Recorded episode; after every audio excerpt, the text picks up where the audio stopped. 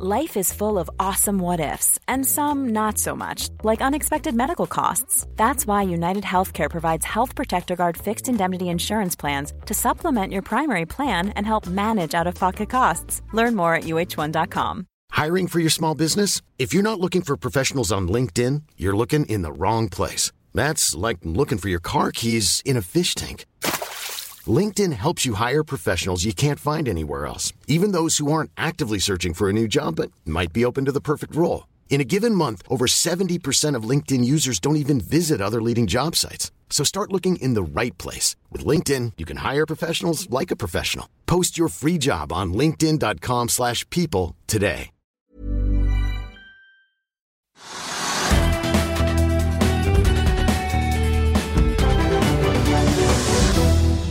Velkommen til Økonominyhetene fredag 11. mars, der invasjonen av Ukraina fortsatt eh, preger markedene. Hovedindeksen her hjemme har prøvd å finne nivået sitt oppover i dag. Den var opp 1,8% ligger nå opp rundt 1 men eh, det er fortsatt sånn at vi da får, ser ut til å få en uke samlet sett i pluss.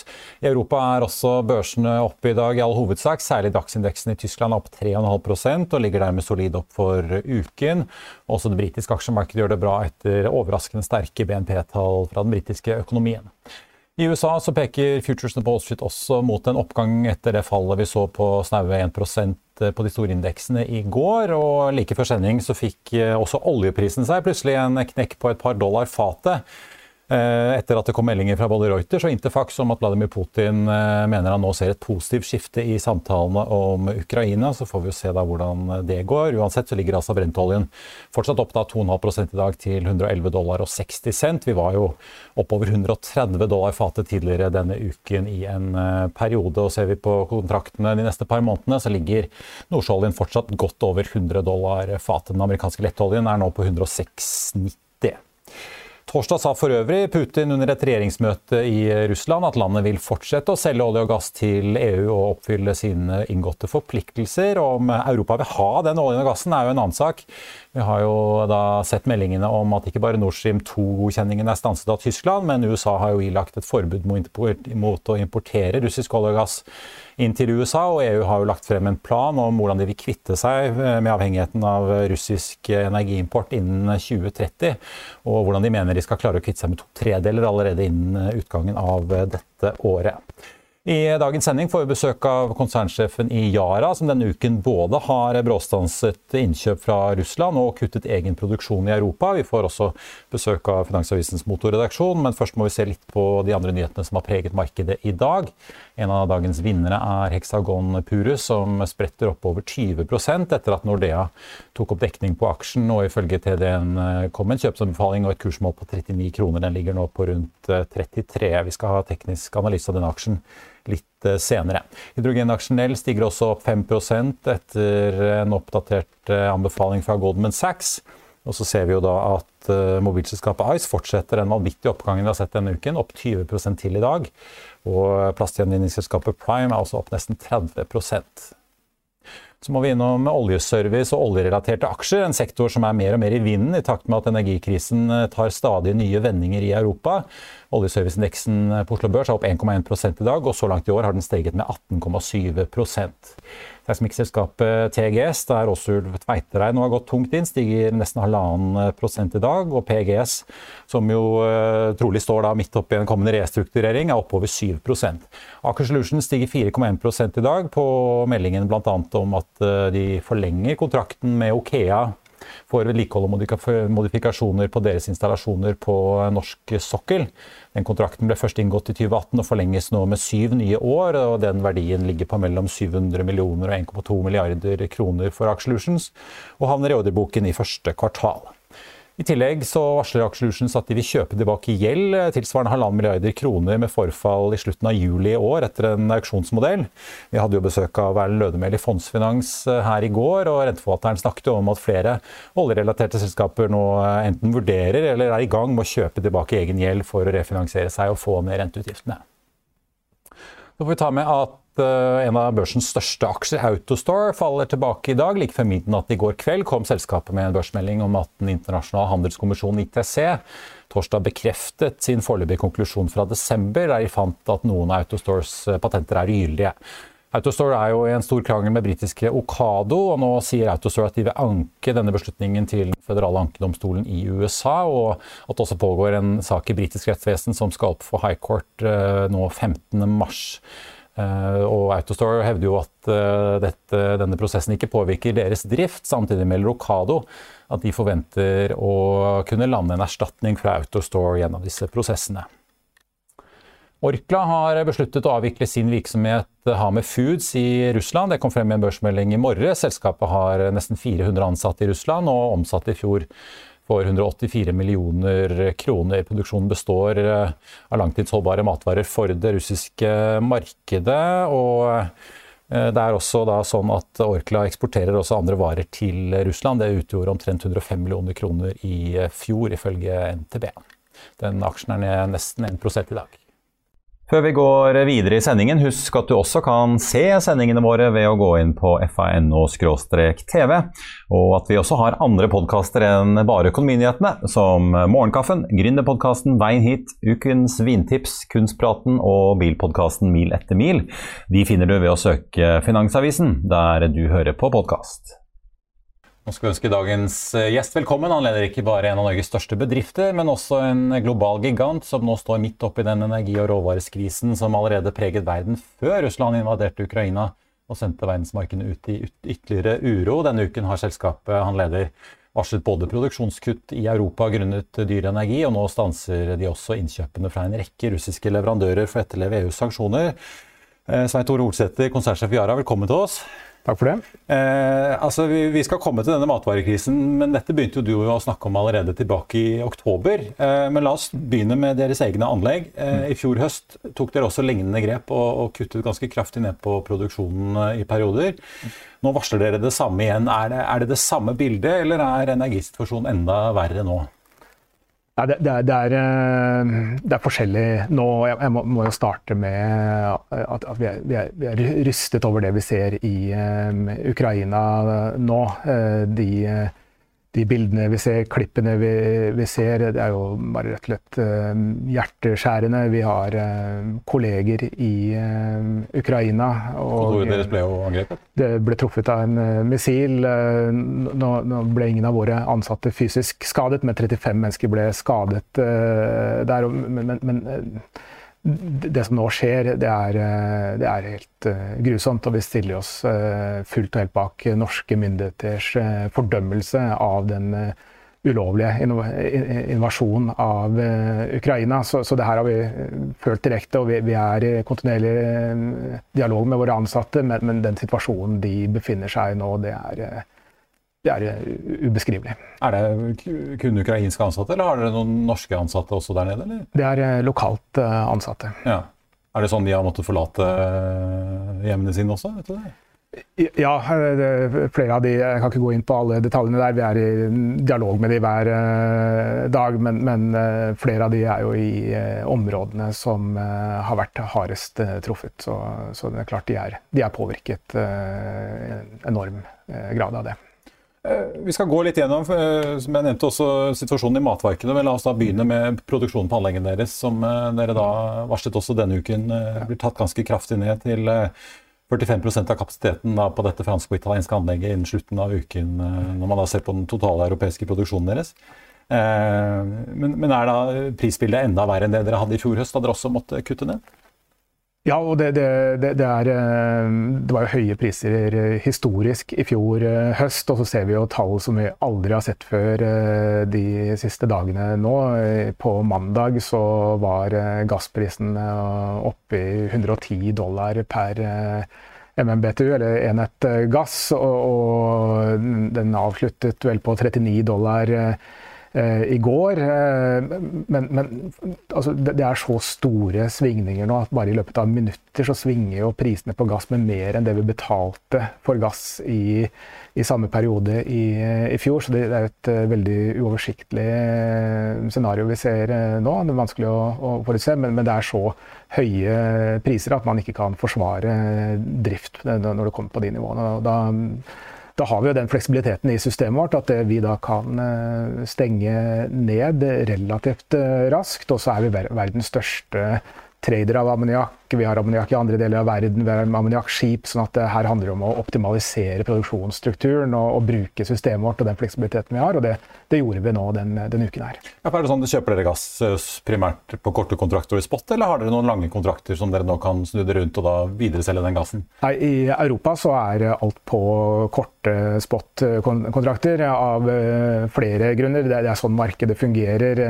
og, og altså, det, det er en voldsom kontango unngå. sånn at eh, vi opererer i det korte markedet. Og så er det jo en samvariasjon mellom eh, energipriser, matpriser og gjødselpriser. Så det er, eh, det er koblet sammen. Og så bruker vi også fleksibiliteten i systemet vårt. At hvis det er veldig høyt i Europa i forhold til resten av verden, så, så, så kan vi også hente inn produkt fra andre steder. Vet dere hvor lenge denne reduksjonen skal vedvare?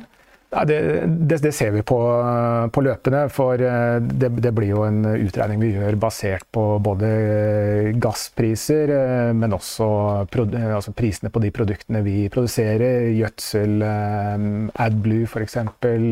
Og det, følger vi løpende, og så vil vi gjøre de kommersielle beslutningene løpende på det. I regnskapet deres for fjerde kvartal gjorde dere noen estimater på hvor mye gassregningen deres ville øke i første halvår. Dere regnet da med Det er ikke mange ukene siden den kalkylen kom på bordet på 1,6 milliarder dollar mer enn samme periode i fjor. Er disse kalkylene bare kastet ut vinduet, eller?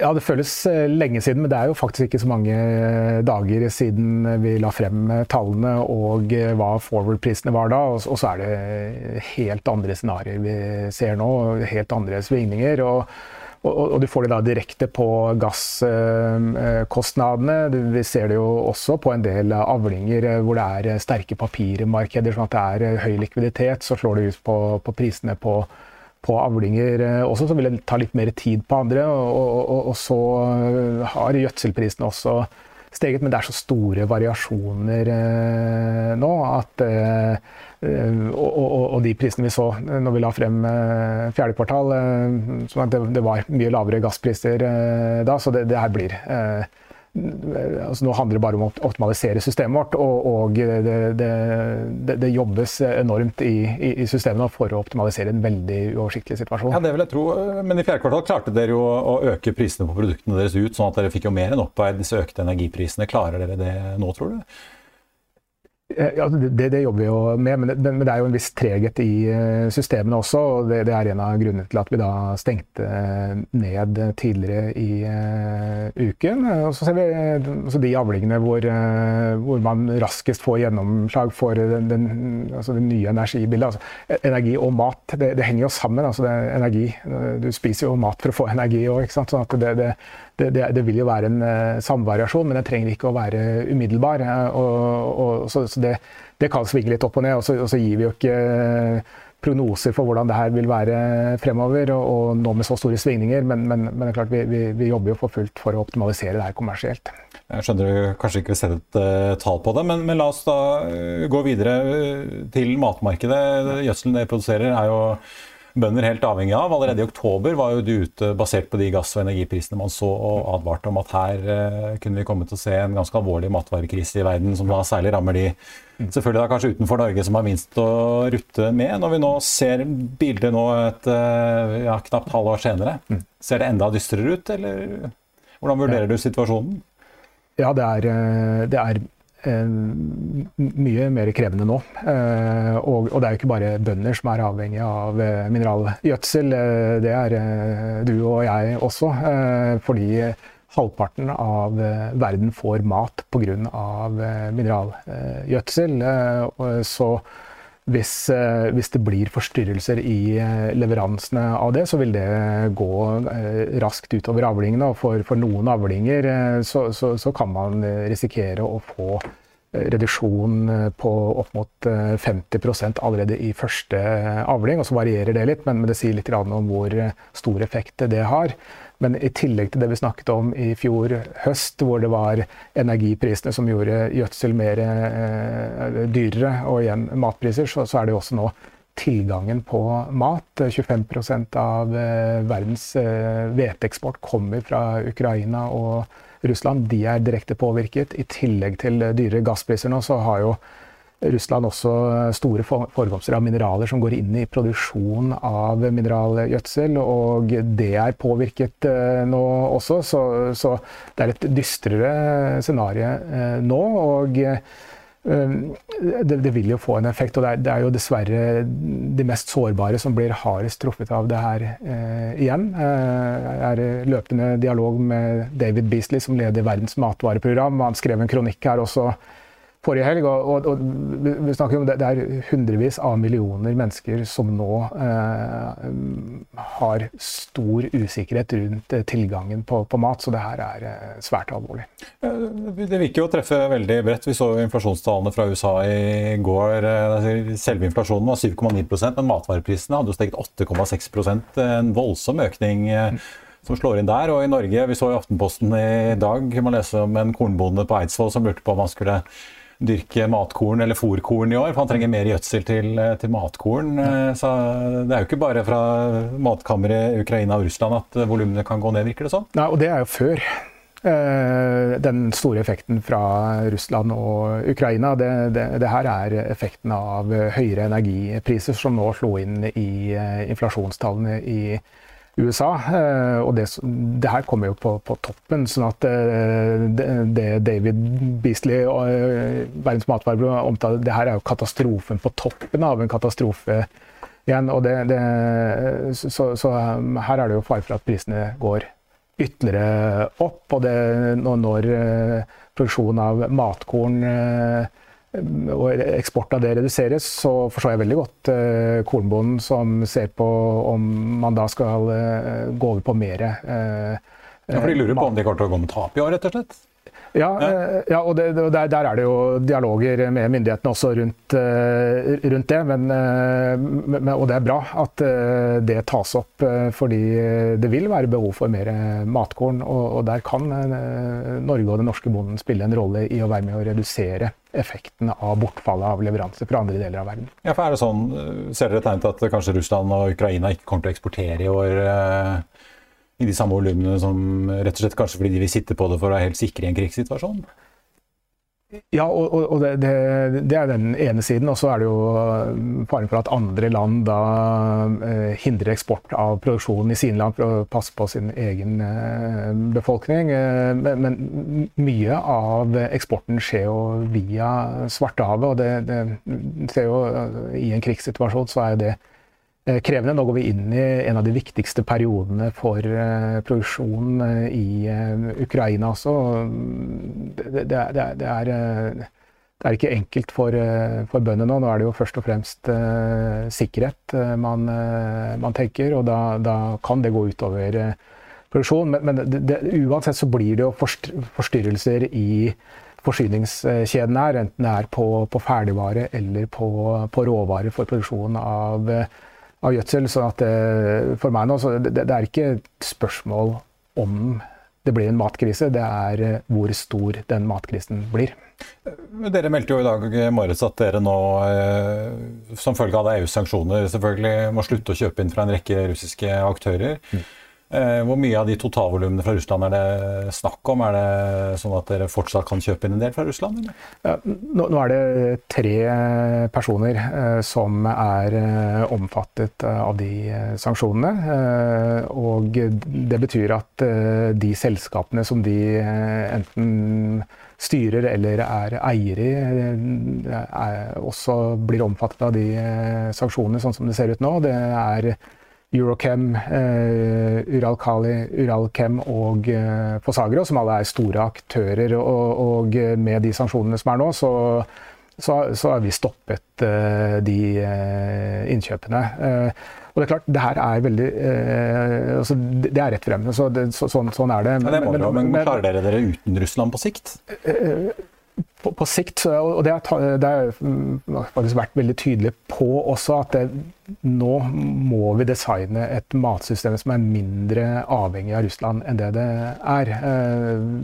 Vi har tidligere også snakket om eh, matsystemet og svakheten i forhold til klimaavtrykket. Eh, nå, ser vi jo svakhetene også i forhold til den politiske risikoen som, eh, som ligger eh, i det. Og hvor krevende er det for dere i Yara å plutselig måtte klare dere uten en så stor produsent? Altså, er, Eller leverandør, som Russland er? Det er mindre krevende for oss enn det er for verden. Eh, fordi eh, Russland spiller en veldig stor rolle. Omtrent 25% av Eh, enkeltmineraler som går inn i, i produksjonen av, av, gjødsel, om det er eh, nitrogen eller fosfat eller kalium eller naturgass, kommer jo fra, fra Russland. Så når det bare eh, kuttes, så, så, har det en stor effekt. Så er vi en stor global organisasjon som Og det, det jobbes, jeg benytter muligheten her også til å takke alle kollegene for for all den jobben de gjør nå. Nå jobbes det 24 timer i døgnet, 7 dager i uken for å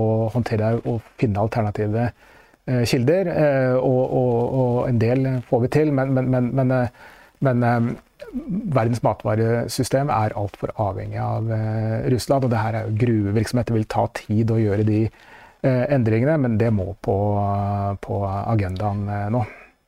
Til slutt så lurte jeg på eh, Denne uken så har dere jo satt spaden i jorden på Hegra, altså dette prosjektet for å gå over til grønn ammoniakk eh, på Herøya. Eh, men når vi nå ser altså USAs forbud mot å importere olje og gass fra Russland, EU vil avvenne seg av energiimporten det neste tiåret. Sparker det en gang prosesser i Yara også for å akselerere en del, av de prosjektene dere har snakket om at dere ønsker å gjøre på sikt for å kutte utslipp? At dere også kanskje nå kan regne dette hjem litt raskere enn før? Ja, Vi er klare. Vi, vi, vi har jobbet uh, for fullt på det her uh, lenge.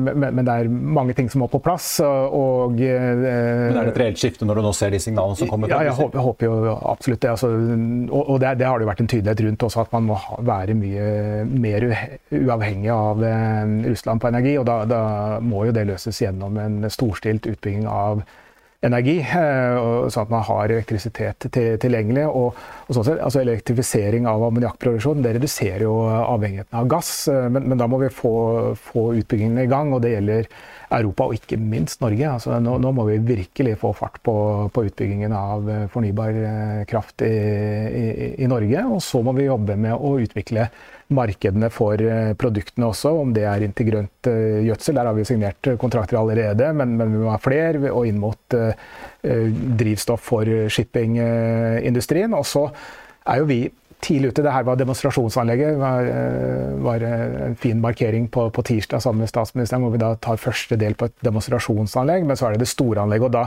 da, da er jo det så stort at må, det må vi jobbe sammen med myndighetene om. Sånn at det vi Eh, ikke har en ulempe ved å være først. Eh, fordi det vil jo drive skala og få ned kostnadene over tid. og det, det, har vi en rolle å spille, men det må vi gjøre sammen med myndighetene. Og ting kan kanskje skje litt fortere nå som Brussel virker å ha veldig hastverk? Ja, det, vi, vi, har alle hastverk. fordi vi, vi, har jo en klimakrise som vi ikke må glemme. og vi må huske Det, det kom en rapport eh, mandag forrige uke også fra IPCC som ikke var eh, nå, ja. ja, ja og, og, og det, det, er alvorlig. Eh, så, så, så, så, her har vi veldig mye eh, alvorlig eh, som skjer på, på en gang. Men, men, vi må holde trøkket oppe på, på klimasiden også, samtidig som vi håndterer håndtere det kortsiktige bildet. Svein Tore Olsæter, konsernsjef i Yara, takk for at du kom til oss. Og så får vi si lykke til til kollegaene dine i eh, Ukraina. Takk for det. A lot can happen in three years, like a chatbot may be your new best friend. But what won't change? Needing health insurance. United Healthcare Tri Term Medical Plans, underwritten by Golden Rule Insurance Company, offer flexible, budget friendly coverage that lasts nearly three years in some states. Learn more at uh1.com. I'll see you in court. Vi sier det ofte litt på spøk, men for deg som driver business, er det aldri moro å innse at du ikke har laget en 100% gyldig kontrakt. Du bør ikke risikere hele firmaet ditt fordi du synes dette med kontrakter er litt stress. En avtale er ikke en avtale. Du kan miste kunder, miste venner, ja, til og med miste inntekter om du ikke lager en skikkelig kontrakt på alt mulig, egentlig. Men vi vet det er et styr. Kopimaskiner, treg printer og haugevis av papir. Dessuten stoler vi jo på folk her i landet. Det er ofte litt kleint å skulle be om en signatur for alt mulig, ja, for mye av styret handler også om jakten på underskriften. Det finnes en enkel måte å løse dette på, Dukkobit, en trygg, effektiv og get this, gratis måte å sikre seg en god natts søvn pluss en juridisk bindende avtale. Dukkobit-appen har de strengeste sikkerhetskrav i bunn, samt en EU-godkjent og sertifisert teknologi. Framover vil det bli behagelig å spørre du, skal vi skrive under på det, eller? Kom i gang på dokobit.no. Det er snart helg, og det betyr også tid for litt bilstoff her i Økonominyhetene. Fransk bilindustri har jo i en årrekke forsøkt å kapre sin del av luksusmarkedet, som domineres av de tyske premiemerkene med varierende hell. Nå er de tilbake med en stor sedan, men er et historisk navn, elektrisk fremdrift og komfort nok til å friste kjøperne. Kollega Andreas Scheel har tatt en nærmere titt. Med den helt nye bilmodellen DS9 har den franske bilprodusenten Stellantis endelig klart å lage en bil som forsvarer det legendariske DS-navnet fra 1950-tallet. Den gangen var det et sært design og et helt spesielt fjæringssystem som skapte furore. Men nå er det rett og slett at franskmennene har laget en bil som kan konkurrere mot de tyske premiummerkene. Eller kan den egentlig det? For hvem er interessert i å bruke 900 000 kroner på en fransk bil? For denne summen får du imidlertid en bil som er fullspekket med det deiligste nappmaskin i lekkert mønster overalt. På seter, dashbord, dører og armlener. Utstyrsnivået er skyhøyt, med bl.a. infrarødt nattsyn, panorama soltak, automatisk parkering og fokal stereoanlegg. Mens alle setene har både varme, kjøling og massasje. Tilsvarende utstyrslister hos tyskerne koster betydelig mye mer, så DS9 vinner priskampen mot E-klasse, A6 og 5-serie, som må regnes blant konkurrentene til dette franske flaggskipet. Med en ladbar drivlinje bestående av én bensinmotor og to elmotorer har du firehjulstrekk og 360 hestekrefter til disposisjon, noe som tar deg fra 0 til 100 på 5,6 sekunder. Du har samtidig en elektrisk rekkevidde på 47 km, noe som gjør at det meste av småkjøringen foregår miljøvennlig og rimelig. DS9 kommer for øvrig også i en forhjulsdreven versjon med 250 hestekrefter som koster fra 640 000 kroner. Men da får du ikke med alle de tingene som gjør bilen så spesiell. Ute på veien nyter du godt av et adaptivt understell som ved hjelp av et kamera i frontruten leser veibanen og kompenserer for ujevnhetene på en eksemplarisk måte. Du kan også gjøre understellet stivere ved å sette bilen i sport. Like sportslig som de tyske konkurrentene blir DS9 uansett ikke, men du kan kjøre fortere enn du bør, og det passasjerene ønsker. Fasongen på bilen er kanskje ikke revolusjonerende, men en elegant grill, tøffe lykter og en aluminiumslist over hele panseret skiller seg positivt ut. Baklyktene med et særegent mønster er som kunst å regne, men store felger bidrar til limousinfølelsen. Så spørs det hvor mange som ønsker å bruke så mye penger på en fransk bil. De som gjør det, blir garantert ikke skuffet. Og da kan jeg ønske velkommen til kollega Håkon Sæbø, journalist i Motor og programleder i podkasten Mil etter mil her i Hegnar Media. Velkommen. Hjertelig takk. Du, dette Stellantis-konsernet som jo eier eh, Citroën og DS, eh, de har jo flere elbiler på gang som man kan lese om i, nei, morgendagens utgave? Ja, de har, eh, det er mye de holder på med. De, For de er jo Jeep òg? De har Jeep, det er akkurat det. Ja. Og Jeep skal komme med masse nye elbiler, så det blir gøy. Ja, det skjer litt, eh, skjer litt der. Og for så vidt med, altså, Hvilket merke som ikke er Stellantis, kan man nesten lure på. Men de er jo også med Gann, altså Renault, som kommer med ny elbil også, som dere har testet? Det er helt riktig. Det er jo konkurrenten. Eh, fransk, det òg. Eh, ny, spennende elbilplattform som er den samme som den nye Nissan, som også er på vei nå eh, mot sommeren. Så det blir gøy å følge med på. Ja, Aria altså? Ja. ja. Men uh, Renault Megane det var jo en liten bybil i sin tid. Den som dere har i bladet, er langt ifra det. Den har vokst litt. Det er til og med litt eh, bakkeklaring. Ser nesten ut som man kan legge seg under den. Ja, ikke sant? Du, eh, et litt sånn annet artig tema som dere har, Helgen, er bilforhandlere. Og ikke hvilken som helst bilforhandler, får vi kanskje si? Det er helt riktig. Ferrari er nå etablert som en autorisert forhandler. Altså, det er jo sikkert eh, mange av våre lesere som har kjøpt Ferrari og kjøpt en ny bil i Norge tidligere. Men nå er det da en offisiell eh, Ferrari-forhandler som gjør at du kan bestille bilen helt sånn som du vil i Norge. Så det er da nytt. Må ikke gå via Sverige eller Tyskland eller Italia for den saks skyld. Men ja, for da har vi, vi har da Ferrari, Bentley Er det noen andre av disse superluksusmerkene som vi har fått i Norge, egentlig? Ja, det kan jo hende at vi får litt, uh, litt mer fra Lamborghini etter hvert. Det jobbes jo litt med det, så vi får se hva som skjer der. Men at uh, markedet modnes og at det uh, er mer etterspørsel etter disse, disse, bilene, det er jo helt åpenbart. Ja, for hva sier det egentlig? Det er ikke mange år siden det fineste vi hadde i Norge var Porsche og Mercedes. Mm. Ja, så ute på Billingstad, adressen er jo den samme som før, så det er på en måte det området der med Bentley, Porsche som du nevner, Eh, og så er det jo litt eh, sånn nyere brukt eh, Ferrari, Lamborghini i det området der, da. Ja. Mm. Da skal vi ta med at uh, det har kommet en flaggermelding fra Nordea, som har solgt unna en drøy millioner aksjer i boligriksselskapet Prosafe i dag. Salget ble gjort off market til 70 kroner og 70 øre aksjen. Den uh, aksjen ligger jo for øvrig da på både før og etter denne handelen. Uh, har den ligget på rundt 100 kroner aksjen, og den er opp 10 i dag. Og så får vi også ta med Kahoot, som siden toppen i januar i fjor er eh, ned eh, rundt 80% og børsverdien til spill- og læringsselskapet har jo falt da fra rundt 60 til 13 milliarder kroner. Nå begynner imidlertid flere åpenbart å se selskapet litt med nye øyne. Stein Erik Hagens investeringsselskap Kanika har nemlig dukket opp på listen over de 50 største aksjonærene i selskapet. Tirsdag denne uken kjøpte investeringsselskapet 1 million aksjer, som med torsdagens sluttkurs er verdt av 27 millioner kroner. Finansavisen har vært i kontakt med Kanika-sjef Nils Selte, som ikke ønsker å kommentere kjøpet. Kahoot er opp 8,9 i dag, og siden nyttår er aksjen da ned 36% omtrent.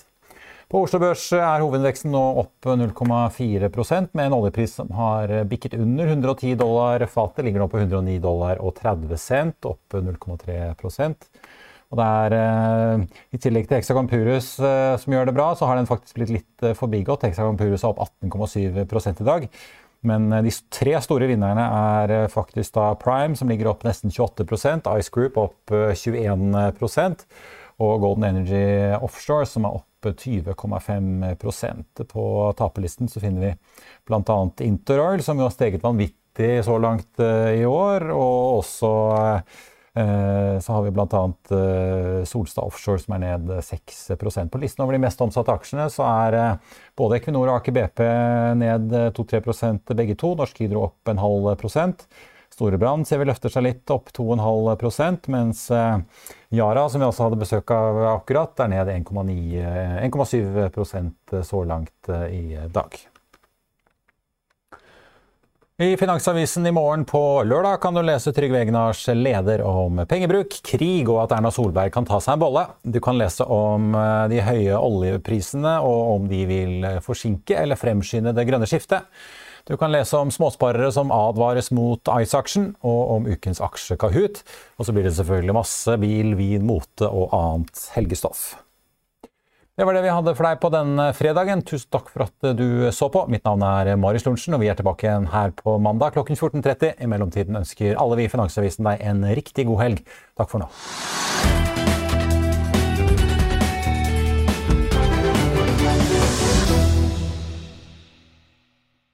Økonominyhetene er en podkast fra Finansavisen. Programledere er Marius Lorentzen, Stein Ove Haugen og Benedikte Storm Bamvik. Produsenter er Lars Brenden Skram og Bashar Johar. Og ansvarlig redaktør er Trygve Hegnar.